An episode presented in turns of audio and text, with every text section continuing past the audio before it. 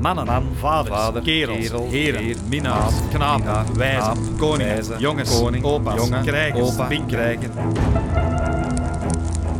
broers, zoons, bompas, venten, knullen, vrienden, gozers, wazer, nonkels, gasten, vrijers, kastaar, kastaars, makkers, kleinzoon.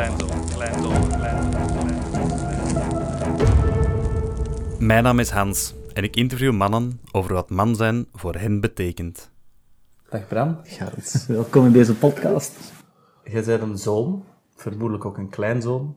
Ja. Je bent ook een broer, een vriend, een collega van mij ook. Je bent ook zelf vader, je bent ook stiefvader of plusvader. Cadeauvader, ik weet het niet. Is gewoon- Je bent ook een leraar en je bent nog heel veel meer naast je rol als man. Ja. Dus even beginnen bij het begin, als jij een kleine jongen waart. Ik ben de middelste van drie broers. Dus alleen maar jongensjes, geen meisjes. Mijn moeder heeft ook alleen maar één broer. En mijn vader heeft zes broers. Maar ja, maar broers. Ja, dus het is heel eh, mannelijk gekleurd. Ik heb ook niet de indruk dat ons moeder of ons vader nood had of, of behoefte of wat dan ook om, om meisjes in de familie te hebben. Is dat wel eens opgevallen van, amai, we zijn wel een jongensbende en zijn vriendinnetjes kwamen spelen of zo, dat dat een andere kleur gaf? Of Nee, stond dat los van dat geslacht? Ik denk dat wel, omdat wij ehm, alle drie het eerste jaar op de nonnenschool gezeten. En dan zijn wij naar, heel snel naar de gemengde school gegaan in Hoven.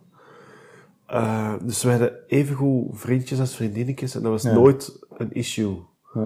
Dat was gewoon, we waren vriendjes. Eh, En wij gingen daar ook naartoe en logeren en bij elkaar. Dat is altijd heel eh, gewoon geweest. Ik, ik heb niet de indruk dat er een andere dynamiek gaf.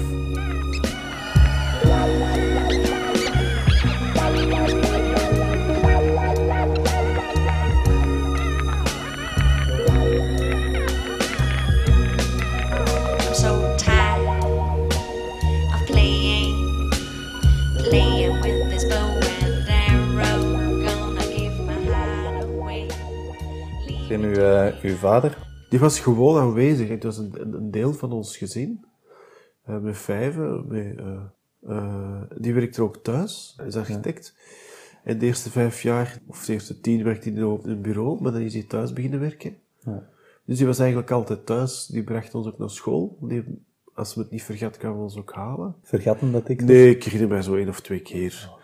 dat het te druk was. En dat dan de juf, waar ik wel een bol voor had, mij al in een auto wou wegbrengen. Dat ik dan ontgoocheld was dat ons vader toch de parking kwam oprijden.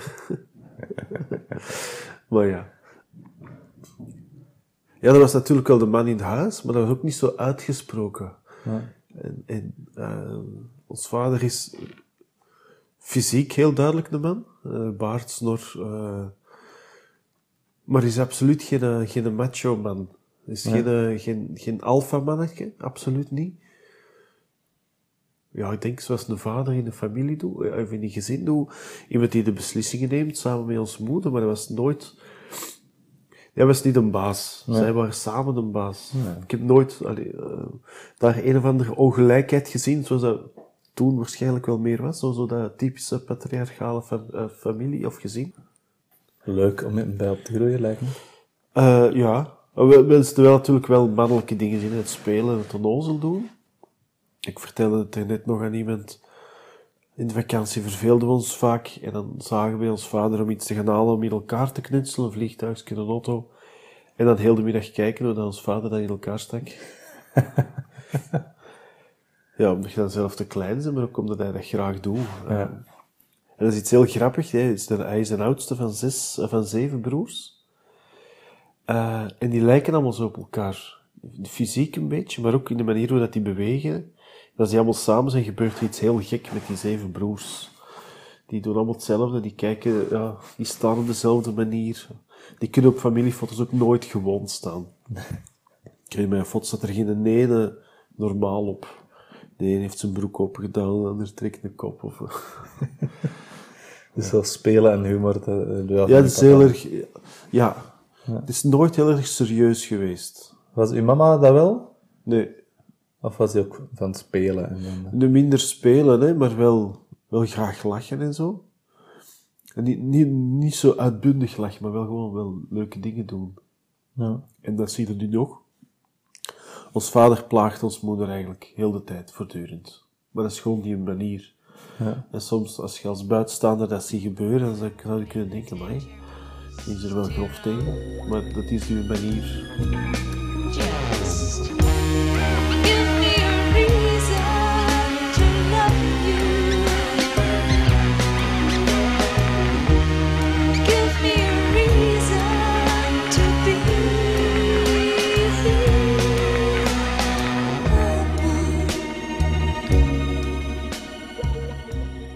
Zeggen eh, drie broers, hoeveel schillen jullie? Eh, Stijn is vier jaar ouder. En ik ben anderhalf jaar ouder dan Bert. Ja. En Stijn is eigenlijk mijn halfbroer. eh, maar dat wist ik pas toen ik 16 was. En hij ook. Hij wist dat ook pas toen hij 18 was. Mijn moeder was zwanger eh, van Stijn. eh, maar dat was niet de bedoeling. En dan is ons vader op de proppen gekomen. En die... eh, Dat was wel de gevallen, bedoeling. gevallen voor ons moeder. Ook al was hij al eh, tamelijk hoogzwanger. Dus die is er wel altijd bij geweest. Dat is wel altijd zijn vader geweest eigenlijk. En ja, dat dus met Stijn vier, vijf jaar, maar wel maakte hij wel de grote, echt de grote broer was. Ik weet niet of ik voor Bert zijn grote broer ben. Omdat wij heel vaak dingen samen deden. We zaten ook ja, twee jaar verschil op school. Maar wij hadden ook vrienden die gemeenschappelijk. Ja. En nu nog in de scouts. Eh, onze scoutsvrienden, dat is wel dezelfde groep. Dat we ja, in leeftijd niet veel eh, verschillen. Met Stijn wel. Die heeft een heel andere vriendengroep dan ik.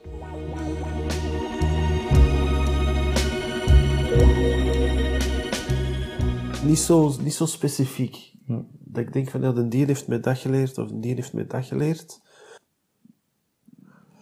Dat zit dan meer in kleinere dingen, denk ik. In, in dingen gewoon samen doen. Ik heb nooit de indruk gehad dat mijn vader bijvoorbeeld mij echt, of ons, of een van ons drieën samen apart heeft genomen en zeggen, nu ga ik u dat leren. Zoals ik dat zelf doe, denk ik. Een van de kinderen wil iets doen en dan helpt hij die daarbij.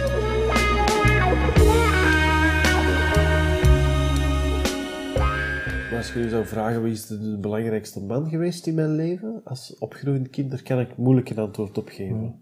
Zo'n een, een amalgaam van, van personen. Zeg je misschien eerder iemand die de dingen zelf heeft geleerd? Of zelf uitgezocht? Eh, ik denk dat wel. Ik denk dat dat ook de manier is waarop dat ik ook dingen leer nu nog. Ja. Ik ga het wel zoeken. Of ik zoek iemand die het mij wil uitleggen of die het wil voordoen. Eh, Allee, zonder minder over uw vader te spreken, Ja, want die ja. heeft u ongetwijfeld, en uw moeder ook, hè? Die ongetwijfeld heel veel geleerd en bijgebracht. ja, Maar, eh, ja. ik ben, ik ben nooit heel erg geleid geweest. En dat is iets waar ik ehm, soms wel met spijt op terugkijk. Van, oh, ik had wel graag gehad dat die daar meer mee bezig waren geweest. Bijvoorbeeld mijn, als ik denk aan mijn humaniora.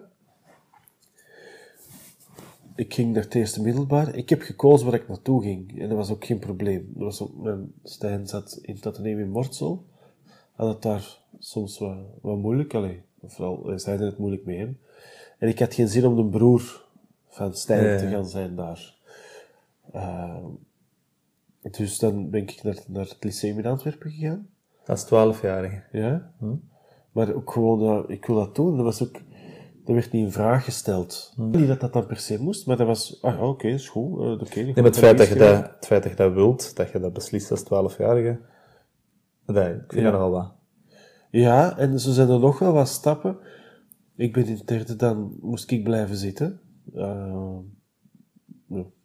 te weinig gestudeerd, of, of geen goede methoden, of ik weet niet wat. Enfin. En ik kwam thuis, ja, ik heb een C-test. Ah ja, ja. Allee dan. Dan was het zo, dat ik graag... Ja. Misschien had ik dat wel graag naar mijn voeten gehad of zo. Op dat moment niet, maar... Keerde mij... Geen ene kerel tegen gezegd, dan moet je geen huiswerk gaan maken. Zit jij hier te doen? Alleen gaan naar boven huiswerk maken? Of... En was dat dan uit, desinteresse of Ik uit het acceptatie van, dat is het, en ik ga mijn eigen mening er Ik niet weet het niet. opleggen? Ehm, ik denk, misschien is het eh, een, een, eh, soort vorm van, we leggen de verantwoordelijkheid bij hem en laten we het maar uitzoeken. Ehm, want het is niet dat die niet geïnteresseerd zijn of zo. Nee. Maar bijvoorbeeld, wij voetbalden alle drie. Ik herinner mij misschien twee keer dat die zijn komen kijken. We moesten wel elke zondag voetballen of elke zaterdag. Dat had wel fijn geweest. Ja.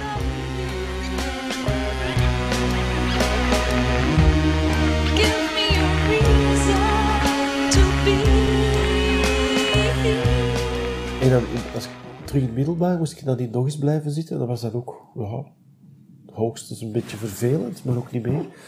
En dan ben ik middenjury gaan doen, omdat ik het beu was met, met een bende kleuters in de klas te zitten. en dan heb ik dat ook eigenlijk wel helemaal uitgezocht. Dus, eh, hoe, hoe dat, dat moet. Wat moet ik in orde brengen? Waar? Naar Brussel gegaan voor mij te schrijven. Ik ging mijn examens ook met een trein doen in Brussel. Die hebben nooit eh, mee naar het station gegaan, bij wijze van spreken, om te zeggen, ja, die trein daar, uh, stapte de fiets op, pakte een trein en, en dan ben ik uh, nadien architectuur gaan doen.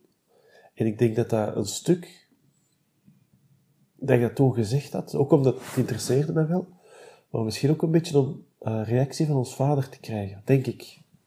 Dan is dat wel oké? En die, die zei, oh ja, dat is goed, doe maar. Ja. Na drie jaar beslist om ermee te stoppen. Ah ja, oké. Dus dat was nooit dat ik zo wel... Ja, ik weet het niet. Was dat bij, bij broers ook zo? Ik denk dat wel. Ja. Ja, Stijn is een aantal keer van school gegooid. Ehm, dat ging toen nog heel gemakkelijk. Hij heeft een, die- een manier ook niet afgemaakt. Ja. Die is in mei gestopt, in het zesde middelbaar. Dat is niet dat die dan gezegd hebben, allee jongen, Nee. doe nog eens wat voort, hè, dan heb je diploma, dan kun je toch iets meer.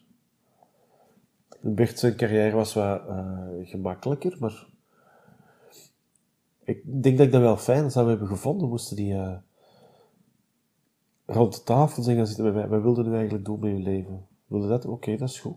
Dat was meer, dat was meer zo een, een, eh, een mededeling van mij. Zeg, ik ga architectuur doen, hè. Ja. Oh ja, dat is goed. Zo dat. En heb je daar nu, allee, als je, dat je volwassen bent, al met hen over gehad? Nu, Zou je dat willen? Ehm, ik twijfel er soms over. Ehm, omdat ik weet, niet weet wat dan de bedoeling is.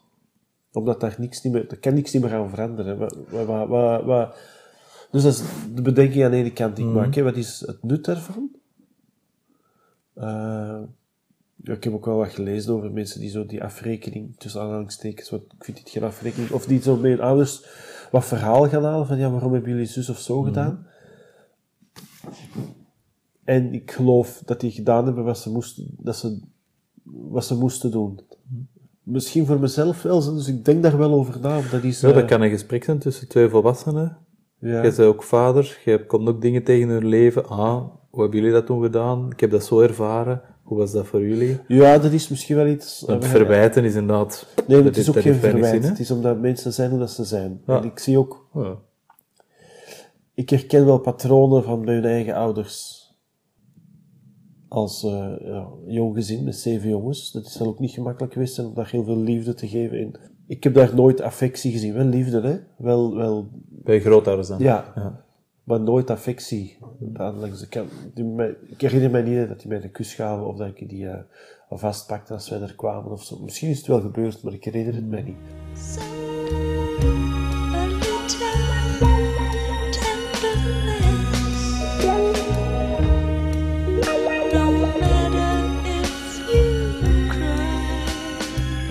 Is het heel raar.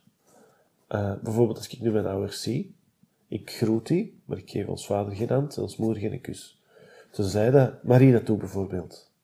Ja. Dat is nog niet zo lang. Als ik bij mijn schoonouders kwam, gaf ik wel een hand of een kus. Bij mijn eigen ouders niet. Als ons moeder en ons vader 25 jaar getrouwd waren, hadden wij met de drie broers en de bijhorende lieve een verrassingsfeest gedaan. Eh, heel veel vrienden uitgenodigd. Dat was heel leuk. En dat is de eerste en de enige keer dat ik me herinner dat ons moeder mij heeft vastgepakt. dat ze zo was aangedaan. En dat was wel fijn, maar dat is zo... Ja, dat is niet, niet daar zo de gewoonte. Wel weinig affectief. Weinig lichamelijke affectie.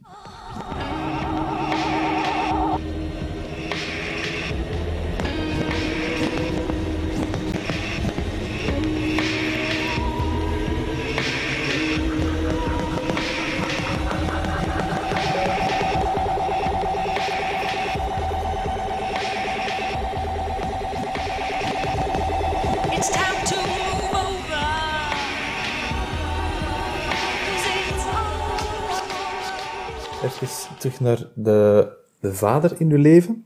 Had hij een bepaalde missie in zijn leven? Ik denk dat niet. Het is nooit zo duidelijk geweest. Ik denk gewoon als, als goede mens leven. eh, en goed zijn voor zijn omgeving. Ja. Ik denk dat dat een getalenteerde man is. Eh, als hij bijvoorbeeld als architect is. Maar ik mis daar soms wat ambitie. Dat hij misschien verder kunnen raken. Maar hoewel, hoewel dat ik niet denk dat hij ontevreden is over zijn leven als architect, wat hem gemaakt heeft. En de, het gezapig tempo waarin dat hij leek te leven. Zo. Kan ook een missie zijn, hè? Ja, ja, misschien wel. Het is nooit zo duidelijk geweest van, dat is mijn missie. Dat wil ik, eh, ook als, als vader niet zo, denk ik. Zeg, op welke aspecten ben je trots op je vader? Ik denk dat hij heel eerlijk is. Ik heb, ik heb de indruk dat ik die kan vertrouwen. Dat vind ik wel... Ik denk dat dat een goede...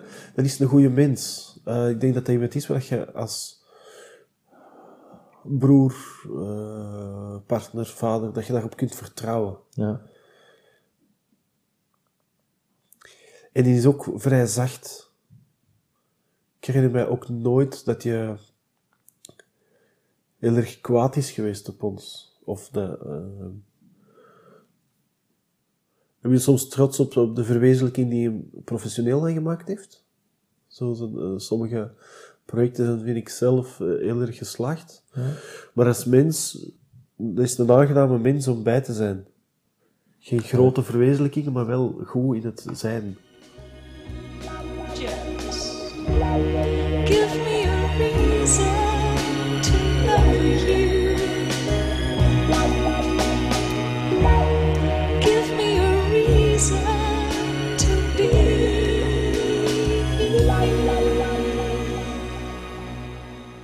Zijn er momenten geweest in je leven dat jij zo ziet als een overgang tussen jongetje zijn en jonge man worden? Niet zo uitgesproken.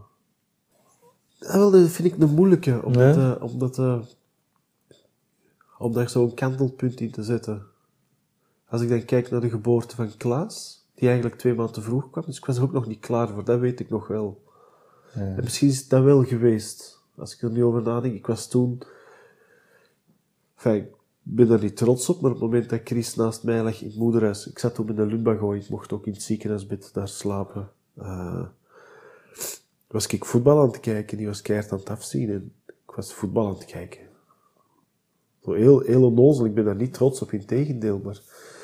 En dat is nadien dan wel veranderd. Van, oh, hier moet wel iets gebeuren. En dan komt die kleine en heeft ineens verantwoordelijkheden als, eh, als vader.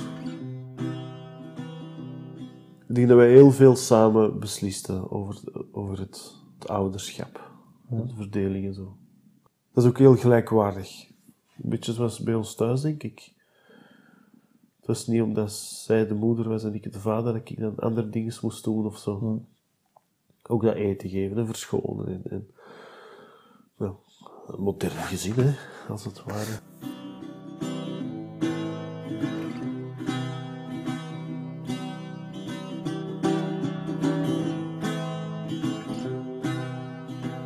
Zeg, had jij toen een, een, eh, een bepaald beeld van, oké, als ik man ben of als ik volwassen ben, dan wil ik dat doen of dan is dat een plan? Nee. Nee. Dat heeft lang geduurd. Ja.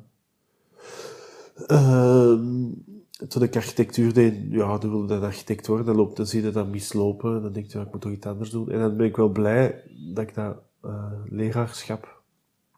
Ik merk wel dat dat gewoon iets is dat mij ligt. Ja. om met jongeren bezig te zijn, om daar zin aan te geven. En om- ik ben zelf leergierig en nieuwsgierig en ik vertel ook graag dingen. Ik leg het graag uit. Ik geef les in de ziekenhuisschool aan jongeren die opgenomen zijn in de kinder- en jeugdpsychiatrie. Dat is nooit ook niet zo'n uitgesproken missie, maar dat is wel hetgeen wat ik wel wil doen. Ik wil wel iets betekenen in het leven van mensen. Ja. En ik denk dat dat daar in de scouts ook was. Ik heb daar zelf wel wat dingen verwezenlijkt waar ik trots op ben. Dingen van, dat ik dacht van, dit moeten we anders doen. Of dit kan beter. Of heb dat dan wel een weg gevonden. En eigenlijk ook op school ook. Professioneel dan. Als ik zie van de, de dingen die er nu veranderd zijn, die zo wat gegroeid zijn. In veel dingen heb ik wel, heb ik wel in, een voet in, Ja. En daar ben ik wel trots op. Dat zijn wel dingen die ik wil ja, verwezenlijken. Ja. Ik vind het fijn als mensen mij eh, over zoveel jaar, dat ze nog weten wat ze mij hebben gehad. Ja. En dat gaat dan niet over mijn ego, maar wel over iets betekend hebben voor iemand. Ja. Ik denk dat je voor leerlingen veel betekent. Ja. Niet voor allemaal, maar voor een aantal wel. En dat vind ik wel fijn. Er zijn er een aantal waar ik van weet, als ik die nu tegenkom op, straat, hoewel dat vijf jaar geleden is, die een hand zullen opsteken en even een klapje komen doen. Ja, ja. Maar sommigen weten hun naam ook niet meer, dus zijn die van mij niet meer.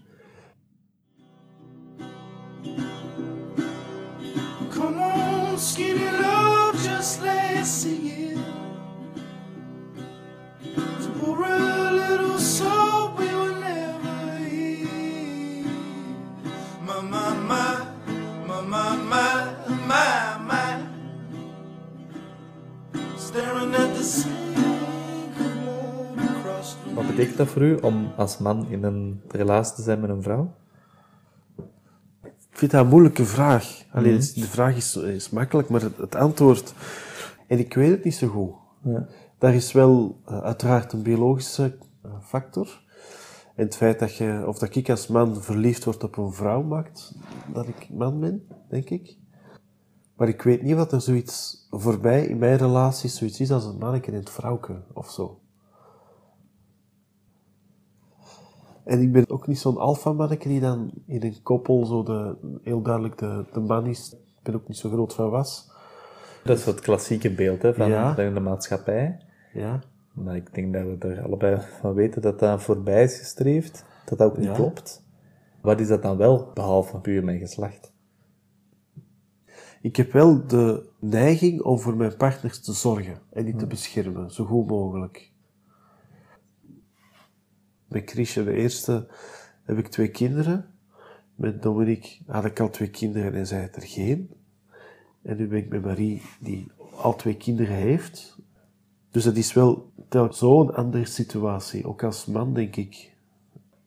Ik heb daar wel telkens een andere rol in gekregen.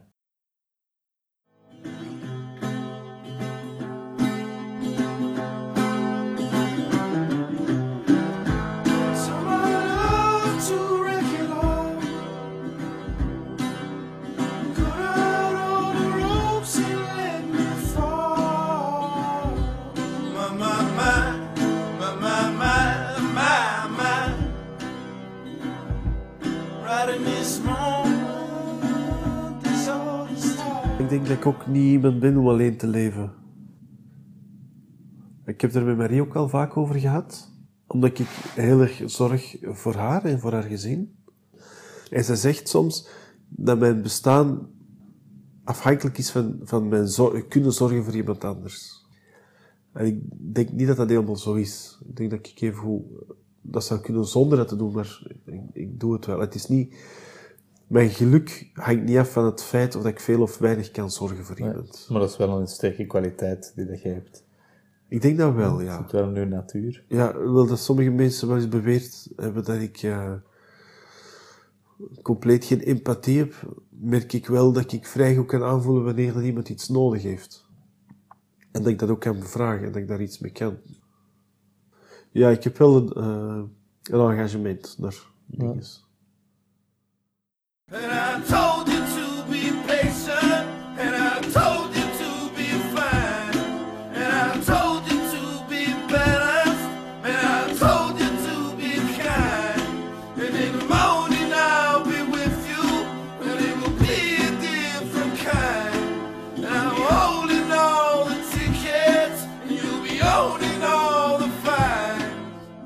Vaak zie je bij vacatures M slash V, alsof dat niet uitmaakt welk geslacht dat je hebt. Op zich is dat heel mooi, dat, dat iedereen zijn kwaliteiten aan bod kunnen komen. En ik ben ook heel erg voorstander van dat zowel mannen als vrouwen dezelfde dingen mogen doen, dezelfde rechten hebben, enzovoort. En ik zie ook heel veel verschillen. Ja. En soms heb ik het gevoel dat die verschillen wat uitgegomd worden. Dat het er niet meer toe doet. Als papa die vertelde dat ja, het gaat er toch om dat je meer en meer mens wordt in, in de ontwikkeling van in je leven en in de ontwikkeling van de mensheid, dat we meer en beter mens worden. En daar heeft hem uiteraard gelijk in. En toch ben ik aan- nu aan het zien van bij mijn eigen en met deze gesprekken ook, van ja, ik doe die gesprekken ook niet met vrouwen, maar met, met mannen, omdat ik het over mannen wil hebben. Net hetzelfde als dat ik u zou kunnen interviewen als leraar. Je bent veel meer dan alleen maar je job, Ja. maar dat is een onderdeel. Je bent ook veel, je bent sowieso veel meer mens dan alleen maar het feit dat je een man en een vader bent. Even een bril om door te kijken. Ik vind dat wel interessant om naar mannelijkheid te kijken in relatie tot de vrouwen in je leven. Ik heb er vaak, sinds ik naar, naar uw podcast ben beginnen luisteren, die vraag gesteld. Zei, wat is dat, een man?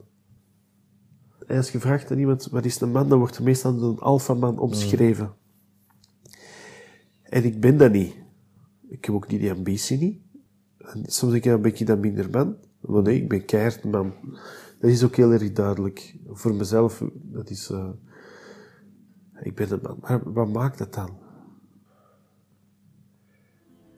Ik denk dat ik ook val op vrouwelijkheid in een vrouw.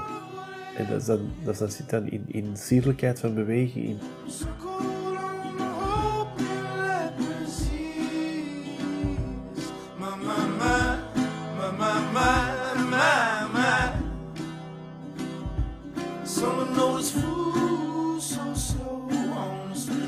Je bent vader van twee jongens ook, Ja, en nog een jongen en een meisje erbij. inderdaad. Wat maakt u anders dan de moeders van uw kinderen? Ik denk dat mijn anders zijn ligt in mijn persoonlijkheid en niet in mijn geslacht. Ja. Niet zoiets van, ik moet die mijn mannelijkheid meegeven. Of, oh, maar wel eens, ik ga sneller ravotten bijvoorbeeld. Bij uh, Toon en Klaas minder, omdat die groot zijn. Maar bij Stan en Stella wel. Zeker bij Stan, die is heel fysiek en heeft dat nodig om af en toe eens echt zo de gang te kunnen gaan. Eh, dus dat, doe ik, dat neem ik wel op mij. En dat heb met Ton en Klaas vroeger ook gedaan. Ja, absoluut. Met twee op het grote bed komen we gewoon een nozel doen. Maar even goed met, met Stella dan. Ja, die is nog klein om zo te doen. Maar die, die, doen wel, die, die, ja, die neem ik wel mee daarin. In, ja. Als die groter is. En niet zo omdat hij dat nu... niet- Die heeft dat minder nodig. Maar ja, dat zou ik wel doen, ja. Maar Misschien is dat wel geslachtsgerelateerd. Het ravotten en het... eh, ik zal ook sneller met hun gaan voetballen en van al die dingen doen. En zijn jij ook heel fysiek met je kinderen? Ik probeer dat. Eh, Omdat je er juist vertelde Ja. dat je ouders niet zoveel affectie toonden in fysiek eh, contact. En er is er is een groot verschil tussen Toon en Klaas. Klaas de oudste. Die heeft dat minder, maar Toon komt heel erg knuffelen en hangen. En die is 12, maar die komt, wel, die komt dat echt ook doen.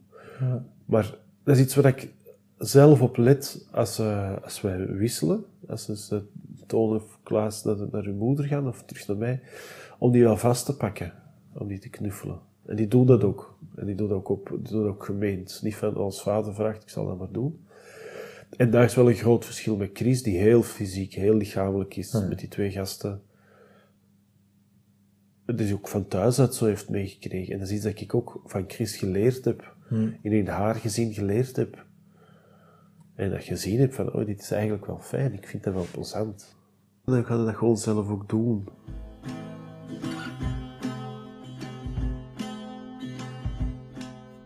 Heb je het met je jongens er wel eens over? Over man zijn en man worden? Want eh, de oud is ook ontpuberen nu.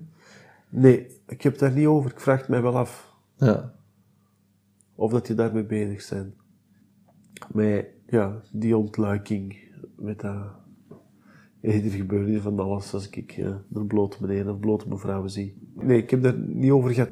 Je, denkt dan van, oh, misschien moet je dat eens doen. Of zo eens samen met Tonen die dokter Bea kijken. Ik heb dat zoiets laten vallen en zei dan, oh nee. eh, Maar dat is wel, ja. Het is ook een hele zoektocht. Hè? Maar ik Ja. ben, benieuwd- ben zelf nog Ja. niet zoveel, want als, eh, mijn zoon is zes. Maar dat komt ook wel. En ik vind dat wel interessant. Want hoe kunnen nu als man, of als, als, als, als vader liever, je zei toch de, de eerste man in het leven van die kinderen. Ja. En waarschijnlijk ook de, een van de belangrijkste. Of dat je het nu wilt of niet. Ja. Nee, ik heb daarmee nog niet, zo, nog niet over gehad. En Ik zit er zo... Ik zou eigenlijk graag hebben dat ze met een vraag komen. Dat zou gemakkelijk zijn voor mij. Want ik denk daar wel over, hè. Zeker met heel het MeToo-verhaal. eh, over eh, grenzen en, in relaties gaan. En ik vind dat super belangrijk dat die jongens dat goed leren. En ik vind er, ben zelf trots op mezelf dat, mij altijd dat ik erin geslaagd ben om dat zelf zo naar vrouwen. Als je dan met je hand ergens ging waar het eh, wel spannend was, ik vroeg dat altijd. Het is oké, is het oké? Is eh, zeg het als ik dingen doe die je niet fijn vindt, zeg het maar. Als eh, leerkracht biologie leerde alle jongeren eh, over hoe dat allemaal technisch in elkaar zit. En ik mis daar wel een stuk om ook het, het, het andere stuk, het, het fijne aan vrijheid en het, eh, het scholen en daaraan. En ik hoop dat ik dat, als het zover is, Toon en Klaas en Stan en Stella wel kan meegeven. Dus ik wacht er wel op, het moment dat eh, een van die gasten thuis komt. Papa, dit is mijn lief.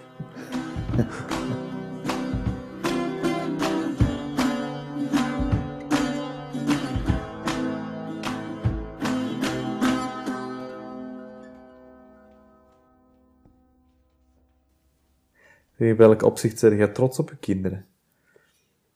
als ik het dan over Toon en Klaas heb, zijn twee heel fijne kinderen. Heel, ik vind die heel lief, heel zorgend. En wat ik ook heel fijn vind, is dat die ook veel eh, intellectueel ook bezig zijn. Eh, en geïnteresseerd zijn en nieuwsgierig zijn. Eh, dat vind ik heel fijn. Ik vind ze ook alle twee heel eerlijk. En oprecht en gevoelig. En, eh, ik weet dat. Maar dat doet wel deugd. De anderen ook zien. Ja, en dat, dat ze het ook vertellen. En het, ik zou het verschrikkelijk vinden moest iemand tegen mij komen zeggen, ja, uw oudste echt, wat voor een eikel is dat? En dan kan ik heel oprecht zeggen dat dat niet zo is. Maar die heeft dingen die moeilijk zijn en Toon ook, uiteraard, en godzijdank. Maar dat zijn wel twee heel fijne kinderen. Het is ook mooi dat zijn bijna dezelfde dingen die jij over je vader zegt. Over eerlijk zijn en lief vind- en aangenaam. Ik vind dat belangrijke eigenschappen. Ja. Ik, ik vind dat je iemand moet kunnen vertrouwen. Mooi. Oh, my baby, baby. I love you more than I can tell. I don't think I can live without you. And I know that I never will. Heb jij nu in je leven een bepaalde missie? Dat zijn diezelfde waarden. Ja. Een, goe- een goede mens zijn. Dat wil zeggen, iemand zijn waar mensen graag naartoe komen. Ik wil een aangename mens zijn voor de mensen die bij mij willen zijn. Of die bij mij moeten zijn. Dat is misschien ook beter. Niet iedereen kiest om bij mij te zijn. Eh, collega's, mijn leerlingen staan en stellen hebben ook niet gekozen om bij mij te zijn. Ik heb dat gekozen. Marie heeft dat gekozen, zij niet. Mijn kinderen hebben ook niet voor mij gekozen. Uh, dus ik wil voor een mensen zo goed mogelijk zijn. En dat is niet, uh, geen moeder Teresa, maar wel uh, iemand oprecht. Over zoveel jaar als ik doodga, wil ik dat mensen fijne dingen over mij kunnen vertellen. Daar, daar heb ik goede herinneringen aan. Ja. En oprechte goede herinneringen. Ik wil een goede mens zijn en ik wil geen eikel zijn. Ik denk dat dat mijn missie is. Oh, baby, baby. I want you so it scares me to death. I can't say anymore that I love you. Everything else is a waste of breath.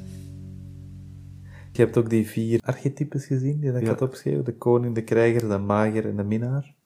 Maar ik denk dat ik op dit moment wel zo'n soort koning ben hier. In mijn gezin hier. in mijn eigen leven? Eigenlijk ook wel. Ik heb niet zo'n lange termijnvisie, omdat het- hoe dat nu loopt vind ik prima. Ik heb uiteraard wel plannen, dromen, of van ja, ik wil nog wel wat groeien in een aantal dingen. Maar ik ben wel koning over mijn leven, denk ik. Zalig om dat te kunnen zeggen. Ja, Ja. Ik, ik ben, ja. Huh? Er is, niemand, er is niemand anders koning over uw leven. Nee, vooral dat niet. Nee. En natuurlijk hou je als koning rekening met uw entourage. Als mijn koningin iets nodig heeft, dan, dan zal ik daar... Tuurlijk. Of als daar iets gebeurt met mijn, eh, met mijn eh, prinsen en prinsesjes, dan doe je daar iets mee. En zoals ik u ken, ben je ook een koning die rekening houdt met andere koningen. Ik heb wel iemand met een... eh, en dat gaat dan ook over professioneel, maar ook bijvoorbeeld in de scouts. Ik heb wel een visie. Mhm. En die wil ik zoveel mogelijk mensen voor warm maken. Maar ik geloof wel heel erg in het democratische. Als iedereen zegt, nee, Bram is daar verkeerd, dan zal ik daar nog wat over morren en dan kan ik dat nadien ook laten gaan. Ja. En dat is iets wat ik wel heb geleerd om eh, daar niet te drammerig in te worden. ja. Drammerigheid, dat, dat slaat eigenlijk een stuk, een kwaliteit van de krijger. Dat gaat over dingen voor elkaar krijgen, doorzetten, Ja, iets afmaken, een stuk hard zijn. Eigenlijk, de krijger is degene die de, de visie van de koning uitvoert. ja, Niet alleen het klassieke gevecht, ja. maar ook de, hè, we bouwen de stadsmuren, eh, er moet hier opgeruimd worden, er worden beslissingen gemaakt. De krijger gaat dat uitvoeren. ja. Herken je die krijgerenergie in uzelf? Voor, voor dingen waar ik in geloof, heel Ja. erg. Dingen waar ik achter sta, waar ik voor gepassioneerd ben. En dan denk ik bijvoorbeeld aan ons kunstproject op school. Ja. Dat is iets waar ik heel blij mee ben, waar ik heel veel energie insteek en heel veel uithaal. Maar dat krijg ik wel voor elkaar. Dat is wel iets waar ik wel voor, voor ga, dat ik daarin geloof dat dat belangrijk is. Mooi. Tegenover de, de krijger staat een minnaar. Die staat dan voor het, het zacht zijn, het, voelen, genieten, liefhebben. Zijn dat dingen die je herkent? Ja, ja, absoluut. Ik denk dat eh, liefhebben eh, gewoon de basis van ons bestaan is. En hoe langer ik op psychiatrie werk, hoe meer dat ik voel hoe belangrijk dat, dat is. Al onze gasten, stuk voor stuk, die bij ons komen, die hebben eigenlijk vooral liefde nodig. En dat is zo schrijnend als je de verhalen hoort en je ziet allemaal dat die het liefde tekort hebben. Terwijl dat zo'n, zo'n, de, de, zo voor mij, een onuitputtelijke bron is om, om mensen iets te geven. En eh, er zijn veel mensen die ik heel graag zie, of veel mensen die ik graag heb, maar dat is zo, dat is zo'n positieve energie, waar je iets mee, eh, ik denk dat uw, uw drijfveer om te bestaan eigenlijk uit liefde komt. I want you. You had your fun, you don't get well no more. I want you. Your fingernails go dragging down the wall.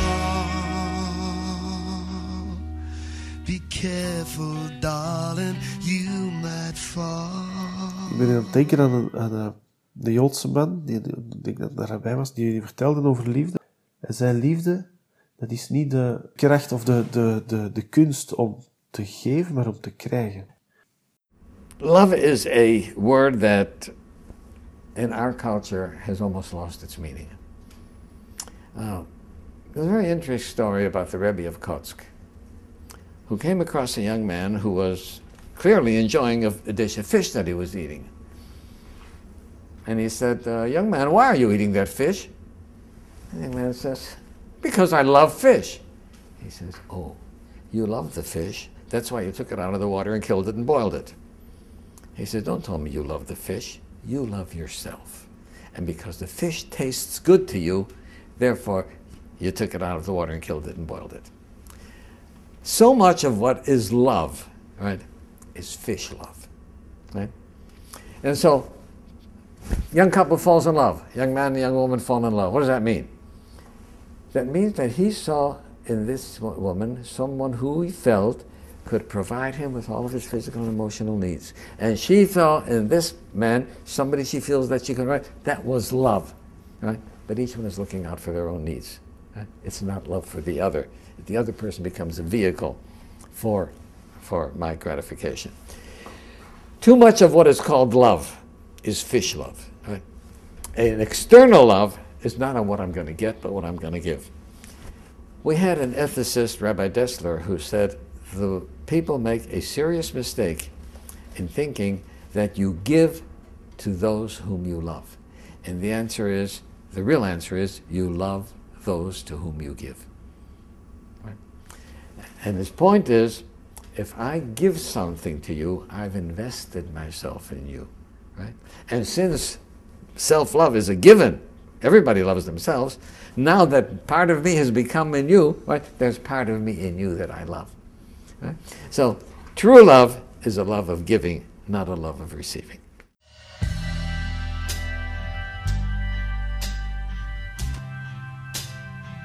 I want you.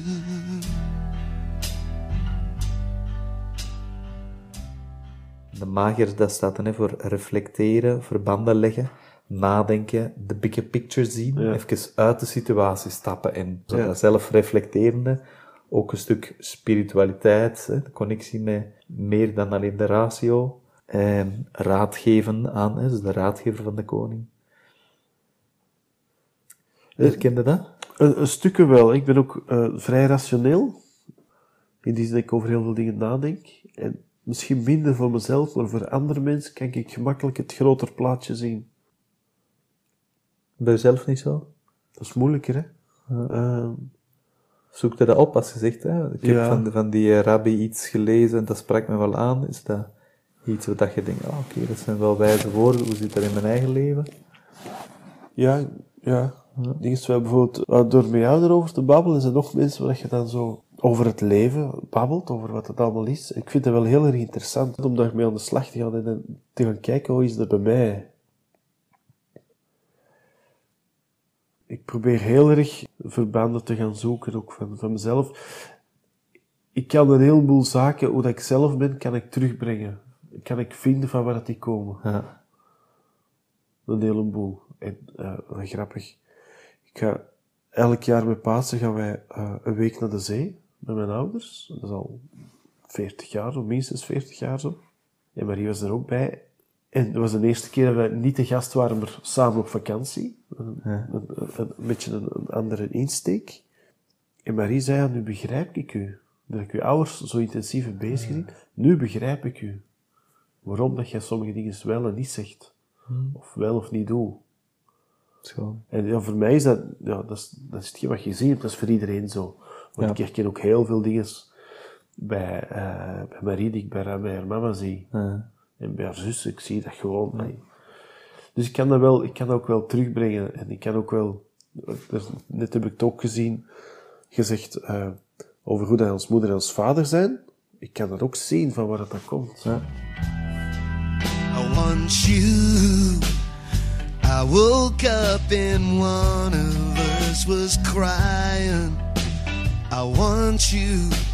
You said, young man, I do dying. I want you. If you need a second opinion, as you seem to do these days, I want you. You can look in my eyes and you can count the ways. Als je er eh, die vier woorden ziet liggen, zijn er dingen die dat eruit springen voor je, dat je denkt, oh, dat, dat, dat is duidelijk aanwezig, en die en die wat minder? Ik denk dat dit het meeste bij mij past. Ja. En nu schuif je het kaart zo Minar, ja, sorry, Minar. Eh, ik denk dat dat het meeste bij mij past. Ja. En dan komt Krijger waar op de laatste plaats, denk ik. Ja. En dan zit ja, Magier en Koning daar nog wat tussen. En dat is een van de dingen waar ik was aan zou moeten werken, is om wat daadkrachtiger te zijn. Ja? Doen Ja. we dat? Eh, ja, omdat het fijn is om dingen klaar te krijgen. Ja. En zo'n dingen die ik gewoon aanpak. En soms ineens zoiets van, fuck jongen, wat is dat hier? Eh, ik kan dat even doen. En dat kan iets heel praktisch zijn. Hè? Eh, een lamp die al twee jaar hangt te flikkeren. Hup, eruit, nieuwe lamp, dat kost niet veel. Allee, zo dingen aanpakken. Praktische dingen, hè? dingen die blijven aanslepen. ehm, dingen die nog niet helemaal uitgeklaard zijn omtrent het Toon en Klaas en, en het eh, eh, eh, co-ouderschap, eh, Ja. kindergeld, gedoe, fiscaal dingen. Dat blijft maar aanslepen, terwijl het gewoon wat dingen in orde brengen is. Zo, ook die dingen in zo'n dingen daadkrachtiger zijn. Is dat gewoon dat dat een van de vele dingetjes zijn die nog moeten gebeuren? Of is dat emotioneel spannend en lastig met En welk kids, weet het niet. Nee. Ja, soms wel. Het zijn dingen die blijven liggen, omdat ik schrik heb voor de confrontatie. Of confrontatie, of om het daarover te hebben. Soms zit ik ook met dingen die ik bij Marie wil leggen, of, of met haar wil hebben, maar ik zie dat ze het dan heel druk heeft, of heel moeilijk, en dan hou ik dat wel even in. Ik wil dat, dat, dat is een wat mededogen. van, Ja, ik ga mijn kakje niet nog bijleggen. Maar, Dat is, dat is fijn dat je niet... Hè, er komt nu minder daar Ja. naar boven en ik ga niet kost dat kost hard zijn. nee, Maar het is ook fijn om uw kak wel op een gegeven moment op tafel te kunnen leggen. ja. I want you. Did you mean to tell me, but seem to forget? I want you. Since when were you so generous and inarticulate? I want you. It's the stupid details that my heart is breaking for. It's the way your shoulders shake and what they're shaking for. I want you. It's knowing that it knows you now after only guessing. It's the thought of him undressing you or undressing. En ik vind met een magier, daar ben ik nu meer mee bezig. eh, door dingen te lezen, door eh, te luisteren, door eh, te praten. In de klassieke manvisie is, is de krijger heel belangrijk, die je voor elkaar krijgen. Ja? En dan had ik het er met, in het interview met Arend, een psycholoog, en met Jan, een acteur, erover. En die zeiden allebei in andere verwoording, wat dat echt heel belangrijk is als man, is om er te blijven staan, ook als het emotioneel spannend wordt. En Jan zei ook van, ja, dat zou pas moed zijn. U over uw emoties en over uw onzekerheden durven praten als man. Eh, Iets dat ik ook geleerd heb, hè? door gewoon in relaties te zitten. Eh, zowel met mijn partners als met andere mensen. Ik denk dat ik dat kan. Allee, eh, ik geloof erin ook dat dat belangrijk is om inderdaad ook emotioneel.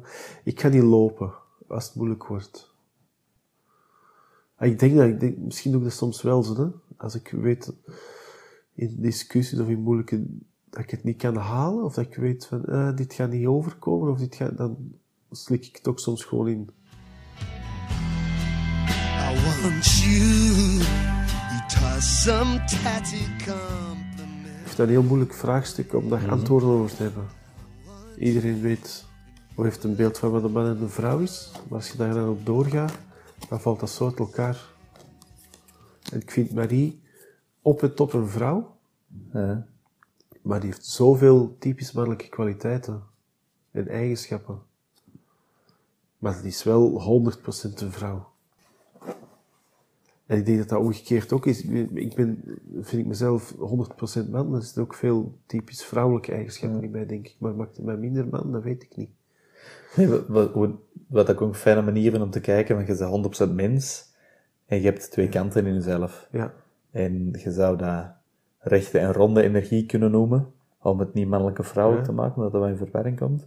Rechte energie zou dan inderdaad daadkracht kunnen zijn. Ronde energie zou juist hè, zacht, eh, zorgend. eh recht energie is iets, hè, zoals, zoals een speer rechtdoor. Rond is open, ehm, of, of, of juist om, om, omsloten. Eh, en zo zou je dat kunnen zien, hè, van, je bent misschien 40% recht en 60% ronde energie, of Marie heeft zoveel ronde energie en zoveel rechte energie, of zoveel mannelijke, Ja. zoveel vrouwelijke kwaliteiten. En die kwaliteiten staan los van uw geslacht. Maar ik wil ook niet een soort, zet die twee samen, mix die, en ja, oké, we hebben er twee, twee, van, twee mixjes. Ik vind dat wel fijn ook om juist wel een papa te zijn en geen halve mama. Ik vind eigenlijk de verschillen tussen mannen en vrouwen heel erg boeiend. Als je verder kunt gaan dan de, dan de, dan de clichés, Ja. Als je daar voorbij kunt kijken, vind ik dan de, verschillen wel anders. Hoe dat er nog gekeken wordt en hoe dat er... Ik verschiet er nog van, hè, hoe middeleeuws dat soms, dat er nog gedacht wordt. Er wordt zoveel geroepen over die gendergelijkheid, en terecht. Maar het wordt voortdurend bevestigd. Ja. Ja, dat zelf ook, hè.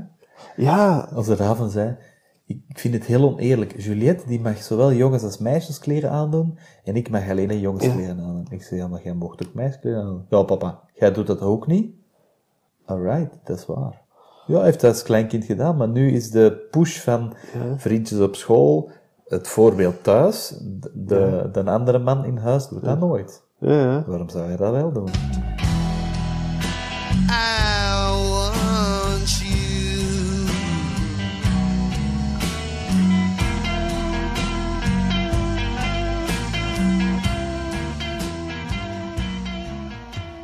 Zijn er nog eh, boeken of, of, of films of woorden of mensen of dingen die je wilt benoemen als inspiratie voor andere mannen? niet zozeer gelinkt over mannelijke vrouwelijke. Dat boek van Dirk de Wachter, Iets met liefde, nog iets, dat is een dun boekje. En Paul Verhagen schrijft ook dingen waar dat je als mens gewoon dingen uit kunt halen. Ja. Vind ik zelf. Paul Verhagen en Dirk de Wachter. Ja.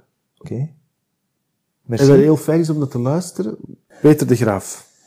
Dat is eh, diep.